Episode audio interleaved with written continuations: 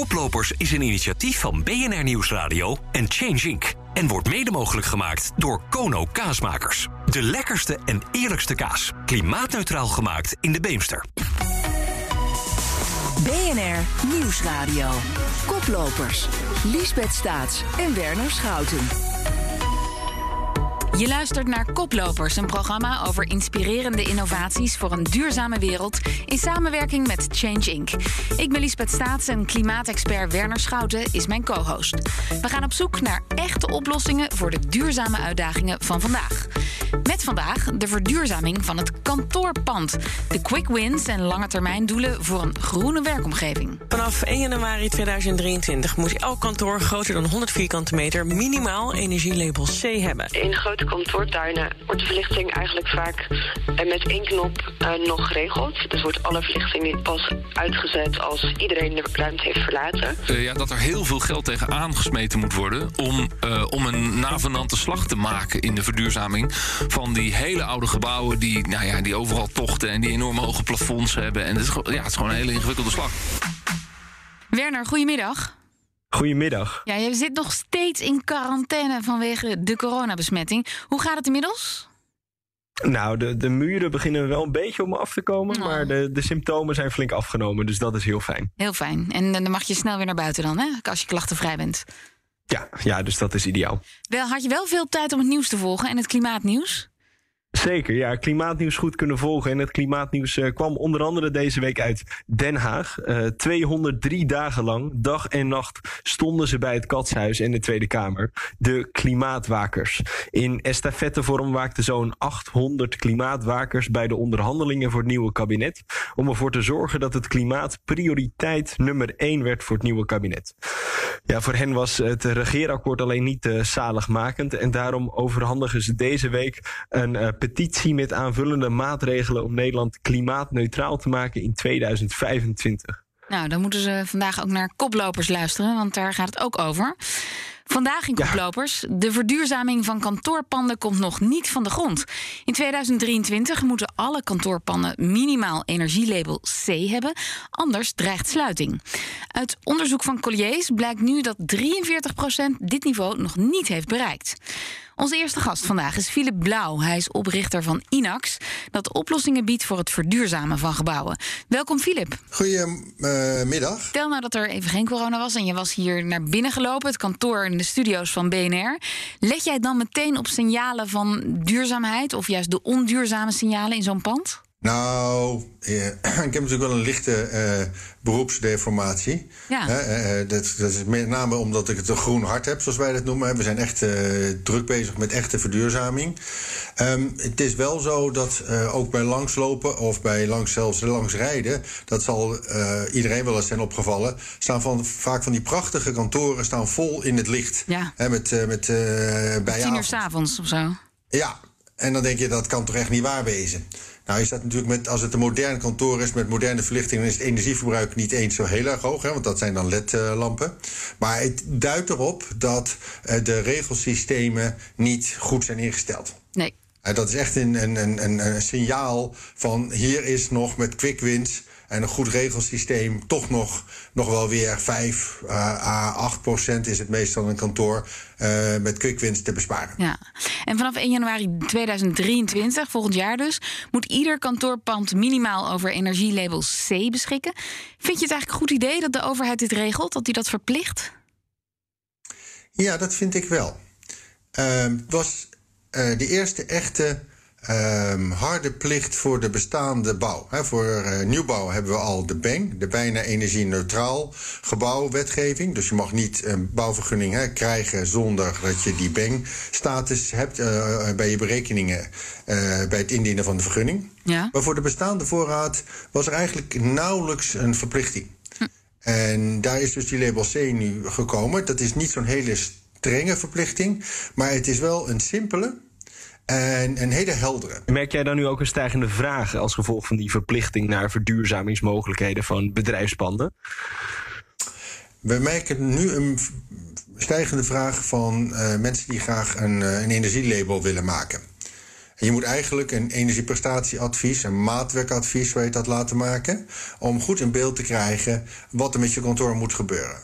En wij zien het beeld dat veel uh, zeg maar zeggen, institutionele beleggers, hè, die op hele grote schaal beleggen, bijvoorbeeld voor de pensioenfondsen, die zijn uh, daar al druk mee bezig. En hè, er werd net in de aankondiging ook Colliers genoemd. Nou, dat is zo'n partij die is druk bezig al, al jaren om dat goed in kaart te brengen en dan ook de maatregelen te nemen. Maar heel veel andere partijen kijken wat minder ver vooruit. En die zijn dus nu kalm aan, eerlijk gezegd. We hadden meer verwacht bezig met die maatwerkadviezen op te vragen. Daar zien wij een stijgende vraag. En dan is de maatregel daarna moet ook geïmplementeerd zijn. Want een label C berekenen is één, maar je moet het echt realiseren voor 1 januari. En kijken naar Nederland, hoeveel duurzaamheidswinst valt er te behalen als we onze kantoorpanden grootschalig gaan verduurzamen? Hoeveel CO2-uitstoot kan ons dat uh, opleveren? Nou, dat is fors.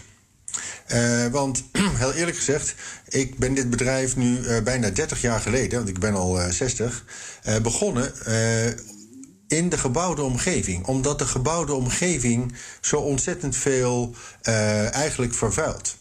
De CO2-emissies en energieverbruiken van de gebouwde omgeving is 35 à 40 procent van het totaal. Iedereen denkt altijd het zijn de vliegtuigen en het is de industrie. Maar eerlijk gezegd, het zijn dus de mensen zelf waar ze wonen en werken die dat doen. En ongeveer de helft van uh, de gebouwde omgeving, dat zijn de woningen, dus waar mensen wonen. En de andere helft, dat zijn kantoren en bedrijfsgebouwen. Zo. En dus kantoren spreken daar echt, en uh, dat is al gauw daar maar zeggen iets van 18% of meer, 20%. En daar maken kantoren een enorm deel van uit. Dus kantoren lijken niet vervuilend, maar ten aanzien van CO2 zijn ze wel zeer vervuilend. Dus daar valt nog heel veel winst te behalen. En daar is ook nog veel winst te behalen, ook, want de gemiddelde kantoor is echt nog uh, niet energiezuinig. Nee. En dan praat je met label C over de eerste stap. Maar we hebben natuurlijk ook de Parijse klimaatakkoorden getekend. En dan krijg je zoiets dat heet Paris Proof 2030. Hè. Dan moet je voldoen aan de norm van 55% CO2-reductie in 2030. Ja. Nou, dat is nog een veel grotere stap. En laten we nog even bij 2023 blijven, hè, als, als dat energielabel C verplicht wordt. Ja, waarom liggen alle daken van bedrijfspanden dan nog niet vol met zonnepanelen bijvoorbeeld? Want in Duitsland heeft al één deelstaat, één deelstaat bij alle nieuwbouw die zonnepanelen al verplicht. Ja, dat zie je dus in Nederland nu ook komen. Er zijn verschillende aanlopen en ook de EU uh, heeft daar nu verplichting opgesteld dat bij een renovatie uh, van een bestaand gebouw je uh, bepaalde verduurzamingsstappen moet nemen. Dus Nederland kachelt ook die, die, die kant op. Het vorige kabinet heeft daar eigenlijk ook weinig aan gedaan. We hopen dus ook dat het nieuwe kabinet met een meer groene signatuur wel die stappen gaat nemen. een paar heldere normen voor nu, 2023 en voor 2030, zonder al te veel detailregelgeving. Dat zou echt ja. zijn waar uh, het land behoefte aan heeft. En jullie noemen jezelf energieaccountants. Dat is een uh, mooie term voor je, voor je beroep. Uh, wat doet een energieaccountant precies? Hoe gaan jullie te werk? Nou, een deel van wat wij doen is energiebesparing. En energiebesparing, hè, dus je hebt ook energie, duurzame energieopwekking. Dat noemde je net zelf al met die zonnepanelen of met een warmtepomp. Uh, maar energiebesparing, uh, dat doen wij vanuit de energiemeter. En die meters, dat is een soort van uh, energie, ja, energieaccountant die bepaalt hoeveel het verbruik is. Dat doen wij vaak heel frequent, hè, van één keer per kwartier tot soms een paar keer per seconde. En dus wij zijn een gecertificeerd energiemeetbedrijf. En vanuit die meters kunnen we heel goed analyseren waar de besparingen zitten. En uh, ook uh, meten of daar dan vervolgens aan de maatregel uh, ook heeft opgeleverd wat de bedoeling was. Of er wel bespaard is conform het plan en de investeringsbeslissingen. dus vandaar dat een deel van onze functie is een soort van accountant. Kijk, als, als accountant proberen jullie dus bedrijven te helpen met verduurzamen. Maar ja, een, een veelgehoord, ja, laat ik zeggen, smoesje van bedrijven om niet te verduurzamen, is dat ze verduurzaming ook vaak vrij duur vinden. maar ik heb gehoord dat jullie daar ook wat voor hebben gevonden. Uh, kan je daar wat over vertellen? Ja, dat klopt. Wij proberen dus een, een, een totaalpakket aan te bieden van, van diensten rondom verduurzaming van onder andere kantoren, maar ook scholen en zorggebouwen, alle gebouwen eigenlijk. En um, dit is precies wat je zegt, je slaat de spijker op de kop. daarvoor hebben wij dus een, een soort van lease-optie ontwikkeld. Dat noemen wij Energy as a Service. En uh, de leaseoptie noemen wij dan easy. Uh, zoals het Engelse woord easy, maar dan met dubbel A. Dus easy is heel makkelijk. Ja. Want daarmee krijg je het gefinancierd. En je hebt meteen de energiebesparing te pakken. En dan betaal je dus net als bij een autolease. Hè. Je betaalt voor uh, per maand. En um, je bent gegarandeerd dat het werkt. En je hebt het gefinancierd. Bedrijven betalen dan Dus niet betalen meer, niet meer. voor... Oké. Nee, dus dan is het een soort service geworden. Wij ontvangen straks uh, Annegien ten Brink hier in de studio. Zij is duurzaamheidsmanager bij AZR. Ja, zij, AZR heeft haar bedrijfsplan van label G, notabene, naar A++ gekregen. Is dat, dat is natuurlijk al een enorme sprong. Zit er op zo'n moment eigenlijk nog verbetering in? Of is dit wel het maximaal haalbare? Nou, het ASR-gebouw is natuurlijk echt een fenomenale prestatie. Het, het gebouw is ook in hoge mate uh, wel circulair, maar um, gestript en weer opnieuw opgebouwd. Het is een uh, prachtig gebouw. Uh, ASR is gelukkig ook een mooie klant van, van Inax. Dus we helpen hen daarbij, niet specifiek bij dit gebouw, maar wel bij een hele portefeuille, met name woningen. En um, uh, het is wel zo dat ik denk dat ook dit gebouw van een paar jaar geleden is om naar Paris-proef 2050 te komen. Dus dan praten we over bijna 30 jaar, hè, uh, dan zij ook nog wel een stap zullen maken. Ah, nou, dat gaan we daar... denk ik aan de energieopwekking. Dus dat kan je mooi aan haar vragen. Precies, dat is een mooie vraag voor straks. Dankjewel, Philip Blauw van Inax. Ja, Philip pakt dus inefficiënte energiesystemen aan in kantoorpanden. Maar ook thuis kan je energie besparen door je cv-ketel efficiënter af te stellen. Vaak staat die namelijk op een temperatuur van iets van 70 graden. Maar met 50 graden doet hij het even goed en verbruik je minder gas. Dus dus win-win. Ik zou zeggen, met drie drukken op de knop kan je het realiseren. Nou, dan moet jij mij maar eens uitleggen, want dat weet ik niet uit mijn hoofd hoe dat moet. Nou, dan moet je even googlen, dat helpt. Oké. Okay. De naam viel net al even. In 2016 kreeg het pand van verzekeraar ASR het predicaat meest duurzaam gerenoveerde kantoor van Nederland. En bij ons is Annegien ten Brink, Sustainability Manager bij ASR. Welkom, Annegien. Dankjewel. Waar ben je nou het meest trots op? Welke verduurzaming in het pand uh, spreekt het meest tot jouw verbeelding? Wauw, ja, dat zijn best wel wat dingen. Maar um, als ik er eentje mag noemen. Um, is dat wij. Uh, 2019 zijn wij helemaal van het gas af gegaan. Ik denk dat het een hele mooie stap is geweest richting verdere verduurzaming. We proberen elke paar jaar of elk jaar wel weer een stapje te nemen. Maar dit was ook weer een hele mooie stap. En een grote. we echt de kraan hebben dichtgedraaid en uh, vervangen hebben door uh, warmtepompen. En oorspronkelijk, toen jullie dit plan, dit duurzame kantoor realiseerden, hadden jullie de keuze: ja, we gaan renoveren of een heel nieuw gebouw neerzetten. En waarom hebben jullie gekozen voor duurzaam renoveren en niet gewoon de boel plat en opnieuw opbouwen? Ja, nou, misschien heel even uh, weer even tot onze kern van wie wij zijn. Hè. ASR is een verzekeraar. Wij, uh, wij helpen mensen bij het, het dragen van risico's die ze niet kunnen of willen dragen. En bij het opbouwen van vermogen voor later. Denk bijvoorbeeld aan pensioenen. Nou, en als je aan risico's denkt, dan heb je het over risico's die mogelijkerwijs in de toekomst kunnen gaan plaatsvinden. Bijvoorbeeld schade aan je huis of je auto, of je wordt arbeidsongeschikt of je wordt ziek. Dus dat zijn allemaal dingen die te maken hebben met de langere termijn. Dus dat lange termijn denken, dat zit eigenlijk al helemaal in ons DNA. En daarmee hebben we ook al uh, vrij vroeg gezegd, hè, duurzaamheid, dat uh, moet echt wel onderdeel worden van de overal bedrijfsstrategie. Want als het goed gaat met de wereld, dan gaat het ook goed met ons. Hè? Als er bijvoorbeeld door klimaatverandering uh, hebben wij ook te maken met gewoon toenemende schadelasten, om even te illustreren. Dus op het moment dat wij, uh, wij stonden op een gegeven moment voor de keuze, hè, inderdaad renoveren of een nieuw pand uh, betreden. En toen hebben wij eigenlijk uh, na de som gemaakt waarbij het financieel aantrekkelijker was om te renoveren, maar bovenal ook een enorme klimaatwinst of CO2-winst te behalen was. En toen was de keuze eigenlijk snel gemaakt. Het was een beetje en-en eigenlijk. dit was en-en, zeker. En je zegt duurzaamheid in de lange termijn zit in jullie DNA. Dus uh, als ik het zo hoor, was het niet moeilijk om binnen het bestuur de handen op elkaar te krijgen voor zo'n uh, zo'n ontzettend duurzame renovatie. Nee, die beslissingen die is vrij snel gemaakt. Inderdaad, lange termijn denk ik, duurzaamheid was een heel belangrijk element. En uh, ja, uiteraard helpt natuurlijk ook mee als er een financieel component uh, aan vastzit.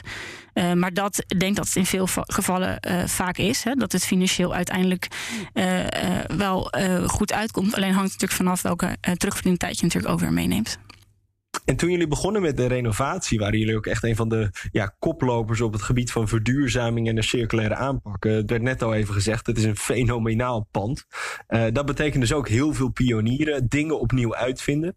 Um, wat vraagt het van een ja, opdrachtgever om, om die ja, pionierende houding dan bij alle partijen in zo'n bouwproces te krijgen?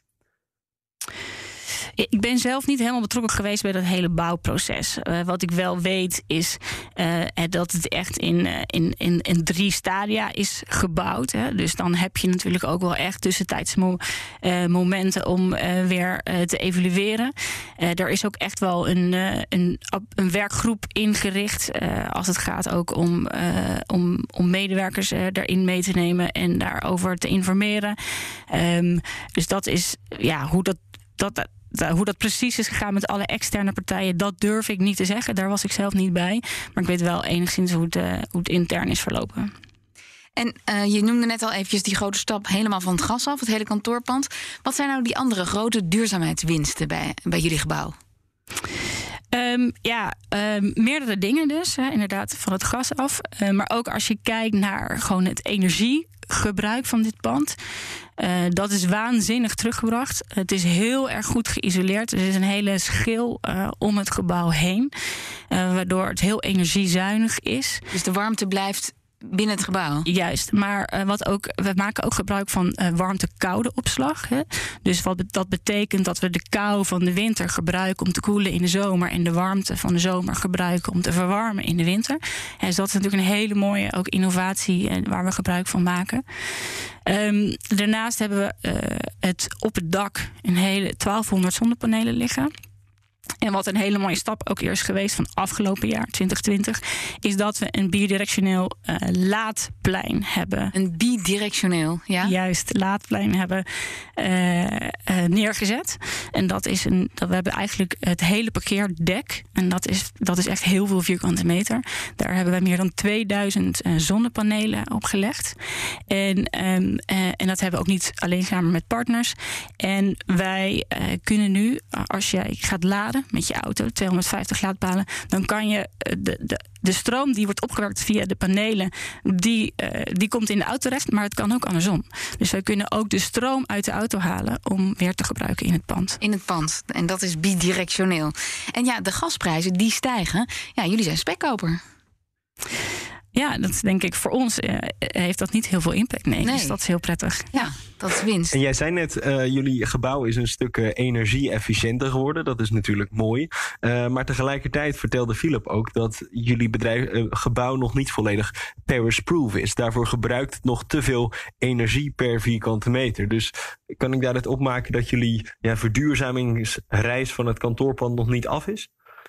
Nee, het is nooit af. Hè, dus we blijven stapjes nemen. Dus zoals ik al zei, hè, we zijn vorig jaar aan de slag gegaan met het parkeerdek. Waardoor we dus nu uh, zeker een vijfde van de energie die wij gebruiken, die, uh, die wekken we zelf op.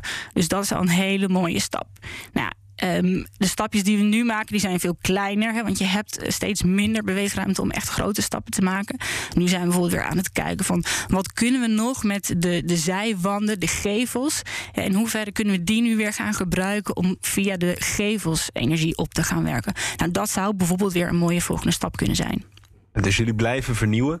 Uh, nu ben ik wel benieuwd. Je vertelt natuurlijk een mooi verhaal. Maar wat is nou nog niet gelukt? Uh, wat misschien initieel wel in de plannen stond? Of wat, jullie graag, wat jij graag had teruggezien in het gebouw? Poeh, dat vind ik een moeilijke vraag. Ik, ik, een moestuin voor de lunch. Nou ja, dat is ook wel een leuke. Uh, biodiversiteit is ook een heel belangrijk element in, uh, in ons gebouw, in de verbouwing daarvoor. Ze hebben heel veel groen om ons heen, maar ook de gevels zijn groen. En um, een van de redenen is dat we ook vooral een, een fijne broedplaats willen zijn voor vogels. Dus we hebben mussenhotels in, in, de, in de gevels. Uh, Zo'n 80 uh, mussen voor mussen en gierzwaluwen. Nou, op dit moment um, uh, wordt daar voor 50% gebruik van gemaakt. Helaas niet alleen door mussen, maar ook... De kan nog omhoog. Ja, ja maar en, en, en nu vooral door koolmezen en pimpelmezen, maar ook hartstikke mooi. En, en daar hebben we bijvoorbeeld weer geleerd hè, in de loop der tijd... dat ook onderhoud aan je gevel, dat je dat bijvoorbeeld misschien niet in het vroege voorjaar moet doen, want dan komen ze niet. Nou, dat zijn allemaal allemaal lessen waar we, waar we steeds elk jaar weer een beetje wijzer worden. Hoe we ook het groen beter kunnen benutten. Ook voor, uh, voor dier en, uh, en milieu. En er zijn natuurlijk nu mensen die luisteren. En die denken, ik wil ook zo'n kantoorpand. Nou ja, de, uh, misschien staan ze niet allemaal op zo'n grote, op zo'n groot beslismoment als jullie toen.